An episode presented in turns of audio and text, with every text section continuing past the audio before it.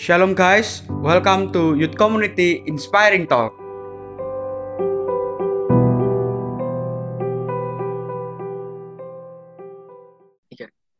Shalom teman-teman. Uh, kembali lagi bersama aku, saya Nael dan ini di podcast Youth Community ya.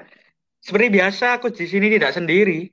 Aku di sini bersama Cinita Rosita Sari. Halo, C. Halo Steven. Halo, gimana C? Sehat-sehat kan ya? Puji Tuhan, sehat. Kamu, kamu, kamu? Sehat dong. Ya, jadi semoga teman-teman nggak bosen-bosen ya dengar suara kita. Iya, jangan bosen ya. Semoga nggak bosen. Terus mungkin juga teman-teman yang kemarin mengikuti sharing room, semoga juga tidak bosen dengan suaraku ya. ya, jadi kita mau bahas apa nih jadi minggu yang ini? Di minggu yang ini, uh, minggu yang indah. Minggu yang indah. Bahas apa ya? Ya, hmm, gimana kalau kita bahas tentang panggilan Tuhan? Wah. Dalam kelihatan. Boleh sih. Mungkin ini ini dalam lebih sedikit lebih berat lah dari topik yang sebelumnya. Iya berat banget kelihatannya. Oke. Okay. Enggak apa-apa sih. Buat kamu, buat kamu ya. Uh, hmm. Selama ini kamu udah menemukan panggilanmu belum? Hmm. Selama ini ya. Iya. Kalau dibilang menemukan panggilan, mungkin masih belum ya. Cuman ya sekarang sih masih berusaha mencari tahu juga. Kan aku juga belum tahu uh, mungkin yang aku lakukan sekarang itu sudah sebenarnya salah satu panggilanku. Cuman kan ya aku sekarang masih mencari tahu lah. Dengan cara ya itu apa punya waktu sendiri quality time. Wah punya waktu sendiri untuk dalam arti bukan dalam arti yang sesungguhnya ya. Maksudnya kayak dalam arti apa? Waktu sendiri itu untuk berbicara dengan Tuhan. Maksudnya bukan berbicara langsung kayak uh, selamat pagi apa enggak kan. Tapi ya lewat doa terus mungkin juga dengan sate membaca firman Tuhan seperti itu. Jadi ya seperti itu sih. Masih berusaha lah masih mencari lah. Tapi juga mungkin juga yang sudah aku lakuin sekarang mungkin itu juga salah satu panggilanku soalnya aku juga kemarin baca nih baca wah sempat baca baca sempat riset waduh riset. Riset. Jadi eh, sebenarnya tiap orang ini kan memiliki panggilan masing-masing. Jadi setiap orang pasti ada panggilannya sendiri-sendiri nih. Dan bahkan eh, ada juga yang panggilannya itu nggak satu. Jadi satu orang punya panggilan yang lebih dari satu. Itu menurutku sih ya itu sedang mencari sih mencari yang sebenarnya panggilanku ini apa. Nah begitu sih. Kalau Cinita mungkin sudah menemukan panggilannya mungkin? Aduh berat ya kalau ini ya.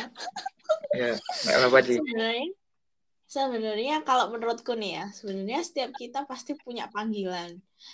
Setiap kita dilahirkan di dunia ini itu pasti punya purpose yang uh, Tuhan tetapkan buat diri kita. Purpose, Cuma mantap. tergantung kita tergantung kitanya aja sih. Yang kamu mau menggenapi purpose yang Tuhan kasih ke kamu apa enggak. Kalau aku pribadi ya, kalau aku pribadi sebenarnya uh, kurang lebih dari 8 bulan ini aku lagi bergumul banyak hal sih. Kayak uh, hidupku nanti mau dibawa ke arah mana sama Tuhan. Karena uh, sejauh ini kayak meleset dari plan awalku.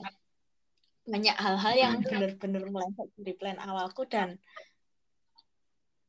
tipe tipe kalau aku itu orang kalau sudah di plan yang jalan A ya harusnya A yang terjadi. Kalau misalnya si A ini nggak nggak apa ya nggak bisa maksudnya digagal antara gagal sama aku nggak bisa capai itu aku kayak ngerasa itu bukan aku banget gitu.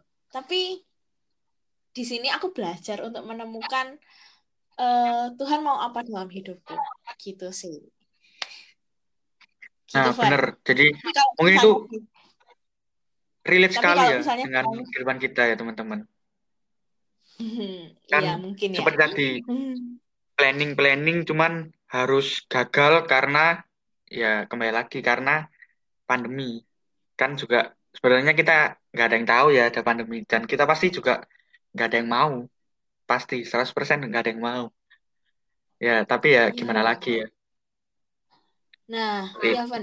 Kalau kalau ini ya kalau aku boleh berpendapat juga ya. Sebenarnya eh, tema hari ini tuh sesuai banget sama apa yang baru dua tiga hari ini aku alami dan oh. aku baca di Alkitab boleh waktu tuh. saat itu. Di share sih mungkin. Nah, uh, teman-teman di sini pasti tahu ceritanya tentang Yunus kan? Tahu. Nah bisa dibilang kisahku ya. yang sekarang adalah kayak Yunus. Wih. apakah CC di nggak jadi uh, jadi gini waktu aku baca baca uh, Alkitab dan ke dan waktu itu entah ya emang Tuhan mau menanamkan value ini ke aku atau ya apa aku nggak tahu. Pokoknya waktu itu aku baca kitab Yunus. Terus aku inget lagi kan uh, Yunus ini uh, dikasih Tuhan tujuan yaitu ke Tarsus ya kan? Buat nyelamatin orang-orang yang ada di sana. Meskipun uh, kelihatannya yang dilihat Yunus adalah orang-orang di Tarsus itu orang-orangnya jahat. Terus uh, banyak orang-orang yang nggak benar. Terus orangnya keras. Ya yang jelek-jelek ada ada di kota Tarsus ini tadi. Karena Yunus ini uh, apa ya? Istilahnya melihat dari sudut matanya dia, jadi dia berusaha untuk melarikan diri eh kok ke Tarsus, ke Tarsus kan ini W ya? Ah, ayo ayo. Iya ya kan ini W tapi dia ke Tarsus gitu. Maaf ya teman-teman ya. Terus uh, habis itu sebenarnya itu yang terjadi sama aku sekarang. Tuhan sudah menanamkan value ke aku. Maksudnya enggak uh, kamu di kamu punya purpose kamu harus mengenapi purpose yang aku kasih itu ke arah A misal gitu ya. Tapi aku maunya B dan itu yang terjadi sama aku. Aku berusaha buat lari dari panggilan itu karena aku eh, nggak nggak terima gitu loh. Antara nggak terima antara aku tahu aku tahu aku nggak suka di area itu tapi Tuhan mau pakai aku di area itu. Sama kayak Yunus. Tuhan Tuhan mau naruh Yunus ke Niniwe buat nyelamatin orang-orang Niniwe. Tapi karena dia pakai kacamatanya dia sendiri maksudnya kacamatanya Yunus jadinya dia ngerasa dia nggak mampu di area situ jadi dia melarikan diri dari panggilan Tuhan itu. Terus sekalipun Yunus uh, lari dari hadapan uh, lari jauh dari hadapan Tuhan lari dari panggilan Tuhan ini tadi Yunus masih dalam uh, apa ya namanya masih dalam penyertaan Tuhan. Meskipun di pertengahan jalan dia mau melarikan diri itu kan ada ikan besar kan yang hmm. apa Yunus kan harusnya logikanya ya logikanya kalau si Yunus ini dimakan ikan besar otomatis dia is dead dong. Maksudnya udah gak ada. Meninggal. Ya meninggal. Tapi karena Tuhan masih jaga Yunus Tuhan masih punya apa ya masih mengurapi Yunus bahkan Tuhan masih mempercayakan purpose yang Tuhan kasih ke Yunus Tuhan masih menyertai Yunus. Uh, Yunus ini nggak sampai meninggal itu tadi dan pada akhirnya dia bertobat dan kembali kepada purpose-nya Tuhan gitu. Kalau yang kembali sama purpose-nya Tuhan ini sebenarnya kalau aku yang sekarang ini lebih tepatnya masih meyakinkan diri apakah Tuhan memang mau meletakkan aku di area yang aku nggak suka ini atau itu bisa jadi cara aku apa ya ngelak dari panggilan Tuhan sih hmm. beneran dari Tuhan apa enggak kalau aku sih gitu sih. Bener tuh, kan kita juga mungkin teman-teman juga pernah ngerasain pasti kayak misalnya kita ditempatkan di suatu kondisi nih dan kita itu merasa nggak nyaman atau ya nggak nggak suka lah. Padahal itu juga bisa salah satu panggilan Tuhan ya, ya Ci ya, dan enggak Ci?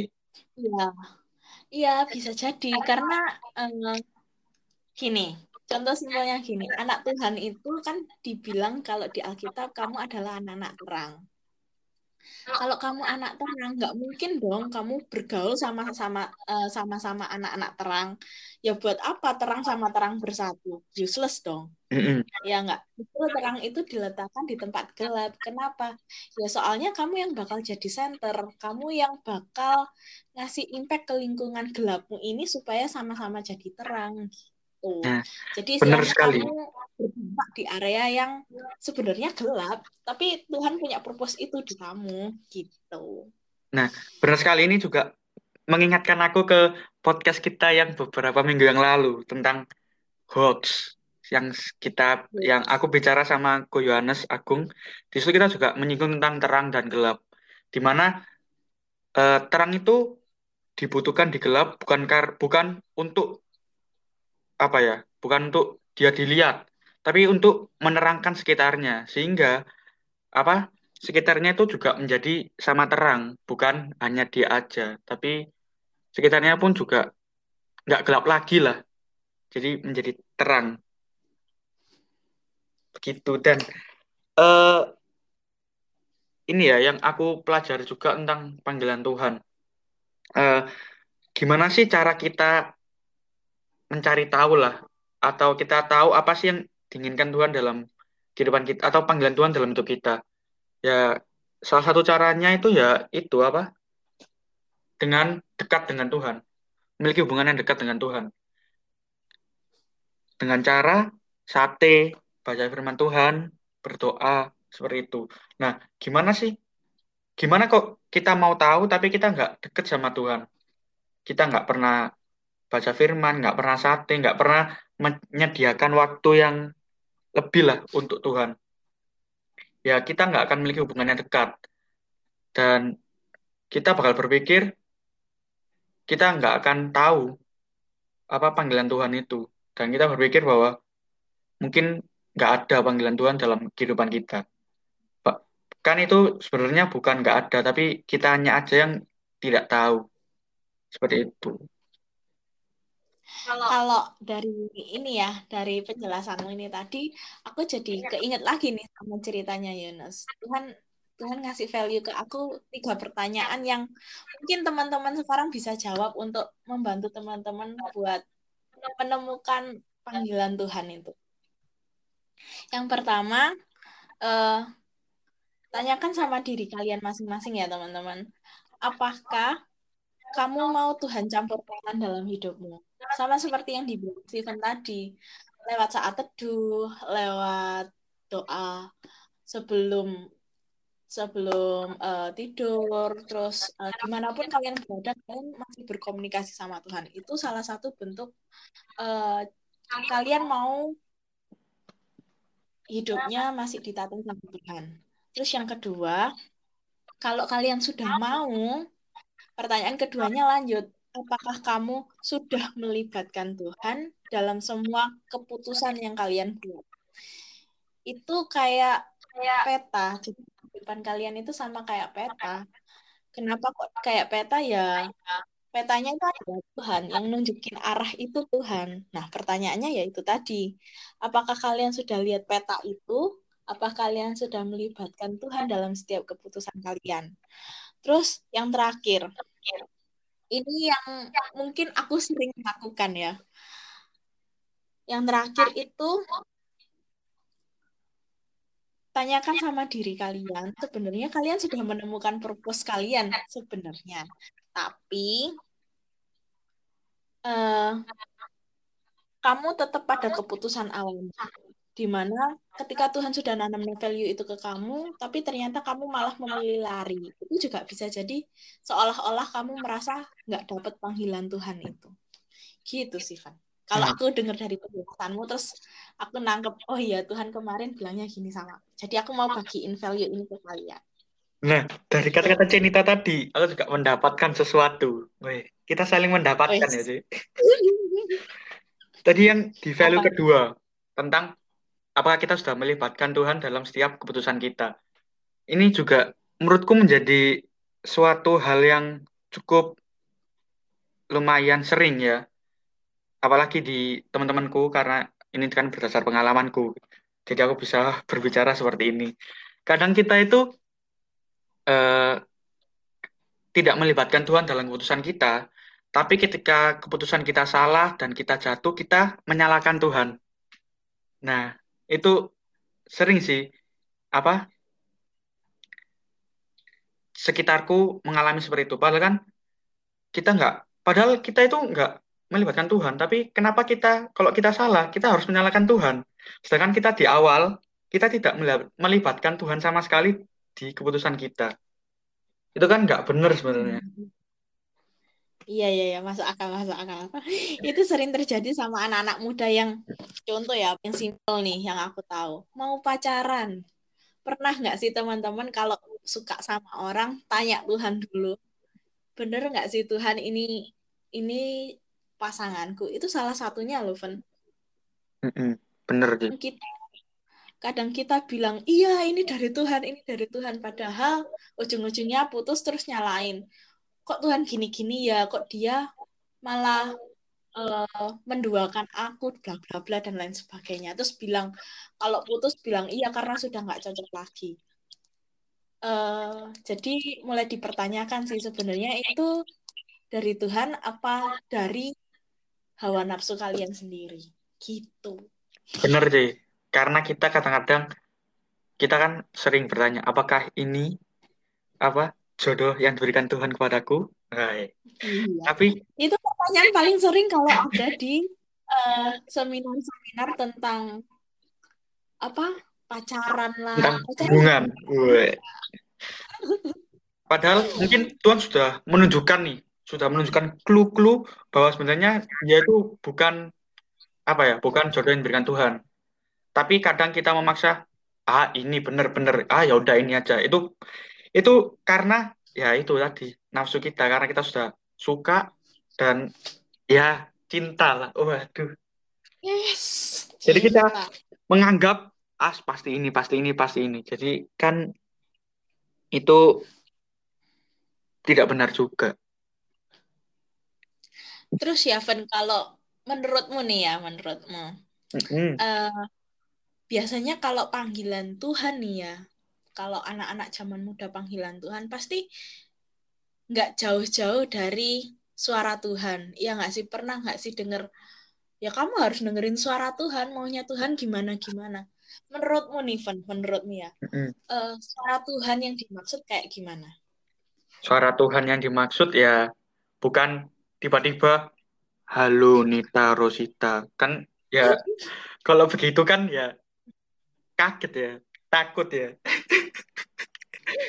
tapi horor iya bener horor tapi mungkin yang dimaksud suara Tuhan itu kayak itu tadi misalnya apa ketika kita berdoa nih kita menanyakan sesuatu atau kita ingin meminta sesuatu atau jawaban meminta suatu jawaban atas pertanyaan pergumulan kita sehari-hari. Meminta penyelesaian atas pergumulan yang kita rasakan selama ini. Oi. Kok puitis? Kok jadi bijak? kan Tuhan nggak mungkin langsung, iya Nita, jadi caranya begini, satu, kamu begini. Kan juga enggak ya. Tuhan itu sering menjawabnya melalui, bisa melalui sekitar kita, atau melalui saat tadi itu ketika kita membaca firman. Karena aku juga pernah ini ya, pengalamanku juga ketika aku menghadapi suatu masalah dan aku mungkin bisa dibilang sampai stres ya atau kebingungan lah, aduh kok begini, kok gini. Akhirnya aku itu apa? berdoa kan seperti biasa. Kalau aku biasanya malam sebelum tidur karena menurutku itu sudah paling berkualitas daripada waktu pagi. Nah, aku berdoa dan aku baca firman. Dan ketika aku membaca firman, di situ aku merasa firman ini cocok dengan permasalahanku dan ini menjadi jawaban atas permasalahanku. Ketika aku harus menjadi orang yang seperti ini dan mungkin harus memaafkan dan gini gini gini dan itu menurutku wah ini Tuhan mendengarkan doaku dan Tuhan memberikan aku jawaban. Nah, gimana caranya kita tahu akan atau kita ya tahu lah akan misalnya kita memiliki pergumulan terus kita minta tolong Tuhan kira-kira penyelesaiannya apa? Atau kita minta tolong Tuhan untuk menyelesaikan lah nah gimana kita mau tahu kalau kita nggak pernah baca firman Tuhan? Padahal kan firman Tuhan itu bisa jadi salah satu cara Tuhan untuk berbicara kepada kita True. jadi itu pengalamanku sih. Jadi kayak di situ aku langsung kayak tersentuh gitu. Waduh ternyata secepat ini Tuhan itu bales doaku. Jadi kayak aku baca ternyata wah ini cocok dengan permasalahanku. Jadi karena aku sudah baca ayat itu aku langsung kayak oke okay, berarti aku harus begini gini gini. Jadi seakan gimana ya tahulah apa yang harus aku lakukan jadi begitu sih. Oke, kalau aku kalau aku yang aku alami ya, itu ada iya. tiga yeah. ciri-cirinya yang bisa bisa ya bisa dijadikan tolak ukur kali ya. Mantap, eh, tolak mantap. Ukur. tolak ukur. Yang pertama itu sama kayak kamu sih, Van. Uh, suara Tuhan itu biasanya disertai rema. Rema ini biasanya kita bisa dapat ketika kita sate, saat teduh kalau kalian uh, punya waktu hubungan intim sama Tuhan, so pastilah Tuhan pasti uh, apa ya berbicaranya ya salah satunya ya lewat Alkitab. Kalau kalian nggak pernah baca Alkitab ya gimana kamu mau dengar maunya Tuhan, gitu sih. Pasti kalian pernah kalau kalian saat teduh punya hubungan intim sama Tuhan, kalian pasti pernah baca ayat terus tiba-tiba ngena kayak kamu tadi gini. Yaitu hmm. yang namanya tema. Terus yang kedua, Sebenarnya suara Tuhan itu memberikan kita pimpinan yang disertai dengan tanda-tanda. Tanda-tanda di sini itu bukan berarti uh, kalau Tuhan kalau Tuhan mau naruh aku di tempat A, harusnya berarti tandanya kayak gini gini gini gini. Aku harus banyak uang gini gini gini. Enggak, sebenarnya tanda-tanda Tuhan itu simple. Yang pertama kamu dikasih damai sejahtera, kamu penyediaan Tuhan itu nyata atas hidupmu, terus hubungan atau kepercayaan dan jalan yang uh, kamu hadapi di depan itu satu persatu bakal dibukakan sama Tuhan. Itu sebenarnya ada ayatnya sih. Di Yesaya 55 ayat 11. Terus aku uh, sempat pernah dengar juga salah satu pastor di YouTube bilang kalau when there is vision there is provision. Jadi ketika kamu udah dikasih visi sama Tuhan, kamu pasti mendapatkan penyediaan dari Tuhan. Nggak mungkin lah kalau kamu dikasih purpose sama Tuhan, kamu harus jadi si A ya. Eh kok si A? Kamu harus jadi misal nih ya. Kamu harus jadi uh, apa ya? pendeta. Nggak melulu jadi pendeta itu terus kalian beranggapan gimana ya mencukupi kebutuhan. Gimana ya kalau aku uh, ngambil si uh, ngambil beli barang A B C D E? Ya nggak mungkin Tuhan bakal biarin kalian sampai kelaparan sih.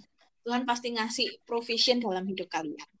Terus yang terakhir yang selama ini aku gunakan adalah suara dari Tuhan itu menga pasti mengajar pertama kedua dia pasti memberi penghiburan membangun, menguatkan, menasehati, dan disertai dengan karunia hikmat untuk memahami. Itu ada di Mazmur 16 ayat 7. Selesai, itu kalau dari aku.